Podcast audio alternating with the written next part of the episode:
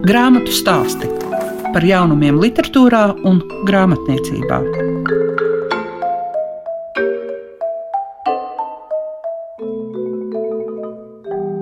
Esiet sveicināti visi tie, kas klausās grāmatu stāstus.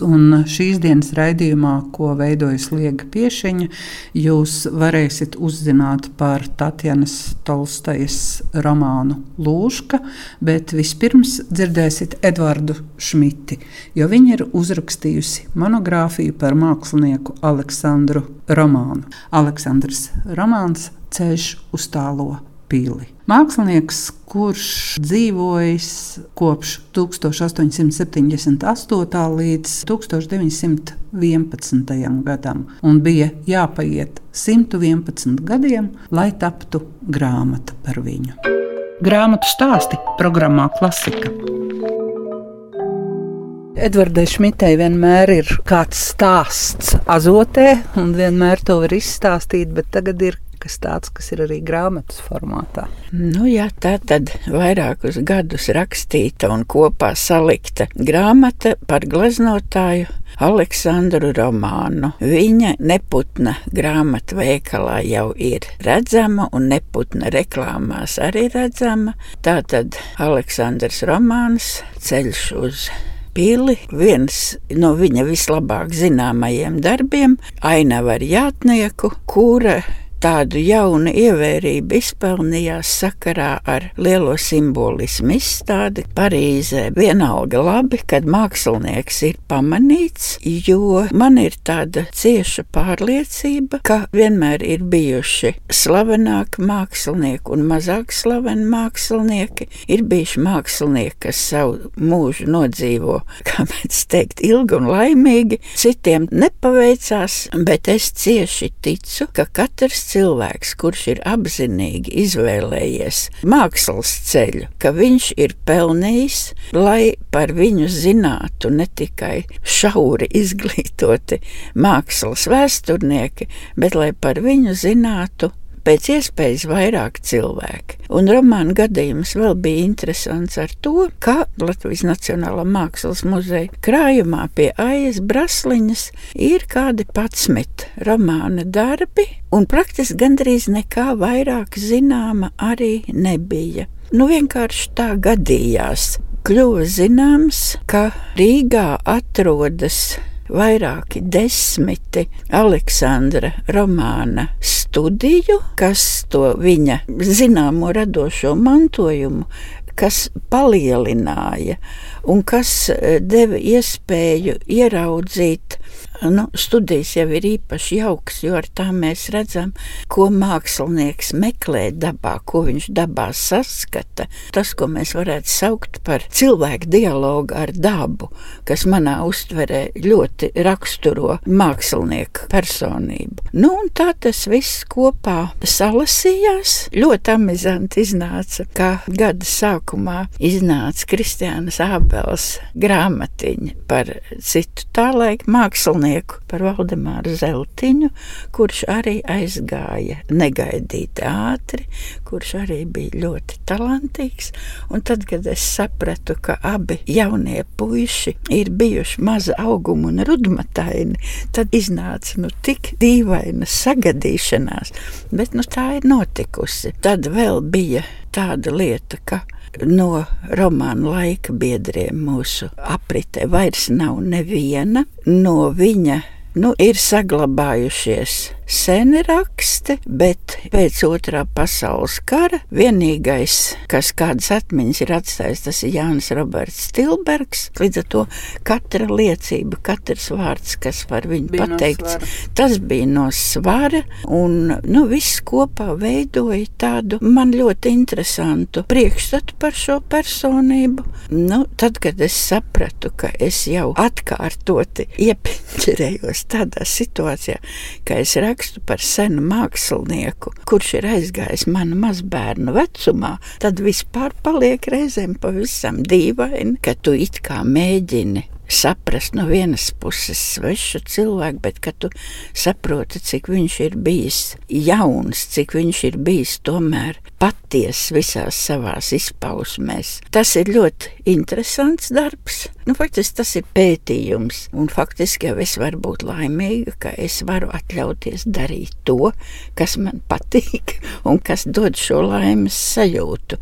Vārds sakot, romānam tā dzīve izveidojās tā, viņš ir kārtīga zemgales saimnieka dēls. Tad, kad es izlasīju jau vēlāko laiku papīros, ka tā saimniecība ir bijusi 66 hektāri apmēram, nu, mīļie zemgalē pie iecavas, tā ir vērtība, un tas nozīmē, cik tas viss ir bijis nopietni. Puikas iet ģimnāzijā, tie ir 19. gadsimta 80. un 90. gadi. Tas ir, kad latvieši cenšas tikt pie izglītības, un tēvs acīm redzot to ir atbalstījis, un kaut kur jau skolas gados Jēlgavā, varbūt viņš pat ir redzējis vai kādu vārtiņu pārmīs ar Jānu Johanu Valteru, jo tas viss ir turpat vienā laikā apmēram. Beigās viņš izlemj, ka viņš brauc uz Pēterburgu, mēģinās stāties akadēmijā, viņš iestājās, un viņš 1904. gadā viņš aizstāv diplomu darbu. Pēterburgā viņš sadarbojas tur gan ar Rūķa pulciņu, tātad tas ir Rozentāls, Valters Purvītis, Štiglits skolas audzēkņi, tā ir tāda ļoti kompakta un draudzīga kopa. Viņš piedalās arī citos latviešu kultūras pasākumos Pēterburgā, un tad, kad viņš pabeidz mākslas akadēmiju, Viņi visu laiku rūķi ir sapņojuši par to, ka viņi atgriezīsies Rīgā. Nu, vajadzība pēc māksliniekiem Rīgā tāp 4. gadu, vēl vairāk, kad sākās viss 5. gada notikumi. Nu, tur vajadzība pēc māksliniekiem ir diezgan neliela, un Pēterburgā viņš ir jau sācis strādāt pa pasniedzēju, viņam ir oficiāls zīmēšanas skolotāja tiesības. Es saprotu, ka arī viņš ir iesaistījies tur sadarbībā ar Rudolfu Blaumanu, kas strādā Pēterburgā pie avīzēm. Rihards Zariņš arī viņa darbību akceptē. Tā kā viņš iesākumā izlemj, ka varbūt Pēterburgā, kā saka, viņš varētu atrast savu vietu. Bet, nu, acīm redzot, tur arī revolūcijas apstākļi ir pie vainas. Kaut kāda iztikšana jau viņam Pēterburgā ir. Bet tad notiek tas process, ka palēnām, palēnām Pēterburga gadiem ilgi ir bijusi liels latviešu kultūras centrs, tā izskaitā nozīmīgākais tēlotāja mākslas centrs. Bet Rīgā parādās jau lielākas mākslas aktivitātes, te ir blūmisti, te strādā šī Rīgas mākslas skola. Rozentāls ir nostabilizējies Rīgā, Rīgā ir arī modernieka kursi.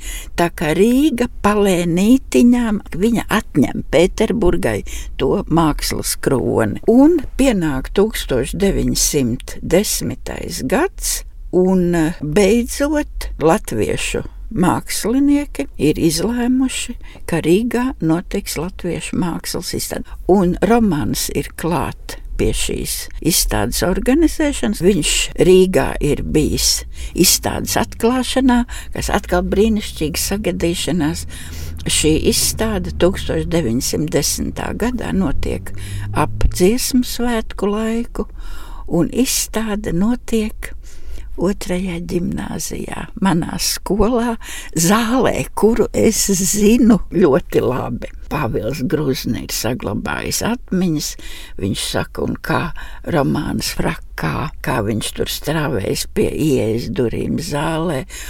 Desmitajā gadā viss it kā ir nu, tik fantastiski. Mēs varam gaidīt visu to labāko, un mēs sagaidām, ka desmitā gada beigās Aleksandram Romanam parādās kaut kādas tur slimības, un 11. gada jūnijā viņš ir miris. Tā kā tas viss notiek tik pēkšņi, tik negaidīti, tas ir tas, kad māksliniekam var paveikties un var nepaveikties. Romānam nepaveicās viņa piemiņas ziņā tādā nozīmē, ka viņš ir aiz Purvīša Rozentāla Valtera, un viņš ir pirms tiem, kas atnāks Pirmā pasaules karā, pirms jaunajiem modernistiem, Grosvalds, Kazaks un pārējie. Jā, viņš tiek pieminēts, bet pēc tam, kad ir gar un plaši izstāstīts par Purvītu, Valteru un Rozentālu, un kad ir visa sajūsma izpausta par klasisko modernismu. Tā ir tāda lieta. Otra lieta, varbūt es kļūdos, bet man tā izskatās. Mums katra personība ir īpatnēja ar to, kā maz ka viņa atrod savu aicinājumu un savu īsto vietu. Bet kā cilvēks šai savā atrastajā vietā, kā viņš attīstās, kā viņš nostiprinās, kā viņš sevi pauž skaļi. Romāns pēc manas saprašanas, viņš bija no tiem lēnajiem gājējiem. Viņam te ziedu laiki tie varēja nākt tā uz gadiem 40, ko viņam nebija lemts sasniegt. Un tad, kad romāns aizgāja 11. gadā, tad kaut kur pavīdēja tāda doma, ka nu būtu vajadzīgs par viņu uzrakstīt grāmatu. Ir pagājuši 111 gadi. Es domāju, ka es godīgi pateicu un uzrakstīju to, ko es sapratu vietu. Tur ir tik interesanti. Piemēram, viņa mājas ir burtiski kaimiņa mājas Edvarda virsmas billītēm. Es pieņemu, ka viņi varēja būt pat kādreiz sasveicinājušies, bet katrā ziņā virza neko nav teicis par viņu pazīšanos. Tā kā visu laiku ir kaut kas blakus blakus. Vai nu tur kaut kas būs, nu tur kaut kas būs. Nē, pārskatīs traumēnus, jo nu, tas ir par to pašu vidi. Man bija ļoti interesanti izlasīt, ko virza raksta par tiem saimniekiem, kas salasījušies straumēnos uz Jāņiem. Un es tā padomāju, nu varbūt kāds no tiem varēja būt taču Aleksandra romāna tētis. Vārdu sakot, šis pētījums par Aleksandru romānu, tur ir ļoti konkrētas lietas, ko es varu pierādīt līdz pēdējiem burtam. Un tur ir mani pieņēmumi. Tos es arī vienmēr godīgi saku, ka, nu jā, bet varbūt, ka bija tā. Vārdu sakot, tas darbiņš ir padarīts, tā grāmata ir atlaista, tagad jādomā par ko citu. Jā, un mums tā ir tikai lasīšanas vaina. Grāmatu stāsti tiem, kam grāmatu lasīšana ir vērtība. Ja mēs pieminam Tatjana Stolstejas vārdu, tad uh, jāatceras, ka viņa ir vairāk kārt bijusi Latvijā un ir bijusi iespēja arī ar viņu tikties. Man liekas, ka tas, ko ir izdarījis jaunais Rīgas teātris ar Soņu, noteikti ir saka, daudziem pazīstams un atpazīstams, bet šobrīd, pateicoties Arvija Kolmeņa tulkojumam, apgādā Prometējs ir iznācis viņas romāns Lūška. Arvi, kas ir lūška? Lūška ir tulkojums no krievu vārda kis. Ne lūška, ne kis neeksistē ne latviešu, ne krievu valodā. Tie abi ir izdomāti vārdi. Un faktiski apzīmē vienu no Tolstojas romāna personāžiem. Mēs gan viņu neredzam un nesatiekam, bet tur visu laiku viņš ir tā kā klāt. Tas ir nu, kaut kas līdzīgs mežonīgam zvēram, kas mitinās tālos ziemeļu mežos, un citreiz viņš uzbrūk cilvēkiem. Viņš ir tā kā tāds ļaunuma iemiesojums, kur cilvēkam pārauj kaklā dzīsliņu. Un tad cilvēks paliek ne šāds, ne tāds. Viņš pārnāk mājās, tukšs kā izklausīts, nu kaut kas līdzīgs varbūt eh, aitmāto mankurtam viņš paliek.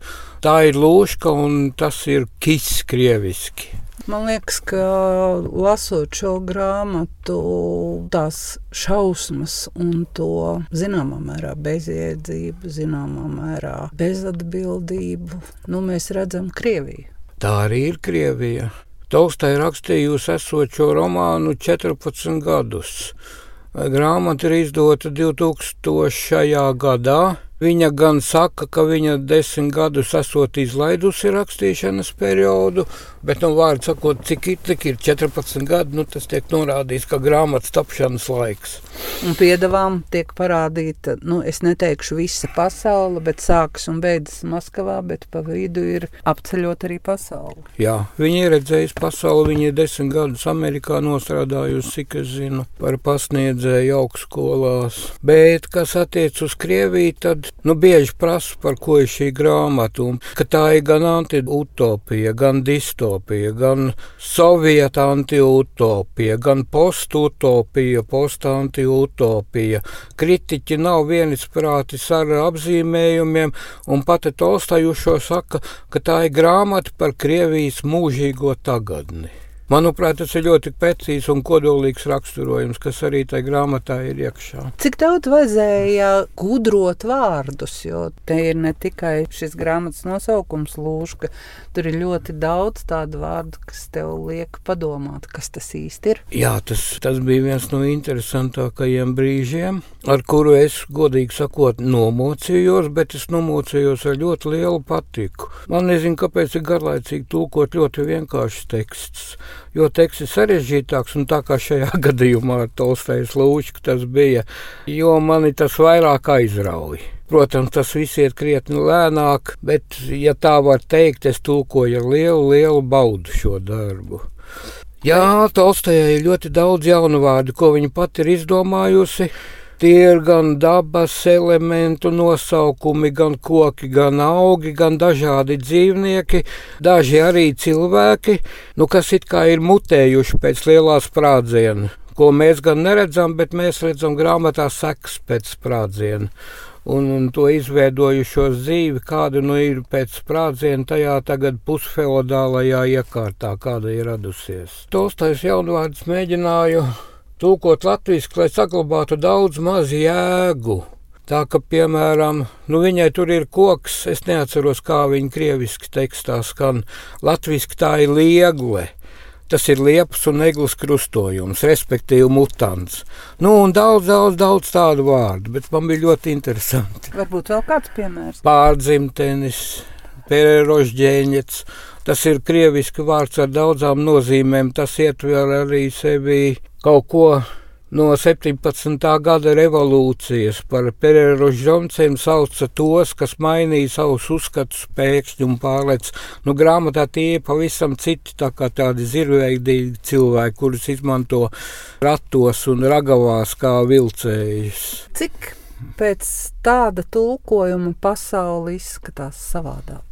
No vienas puses cenšos aizdomāties, kamēr tu vēl esi tajā grāmatas varā, nu, gribi vai negribi, tu netieši kā salīdzini to, ko tu tikko esi lasījis, pārtulkojis ar to esamību, kas mums pašreiz riņķī notiek. Salīdzinājumi rodās jebkurā gadījumā. Cik lielā mērā tie man ietekmē, nu, grūti pateikt.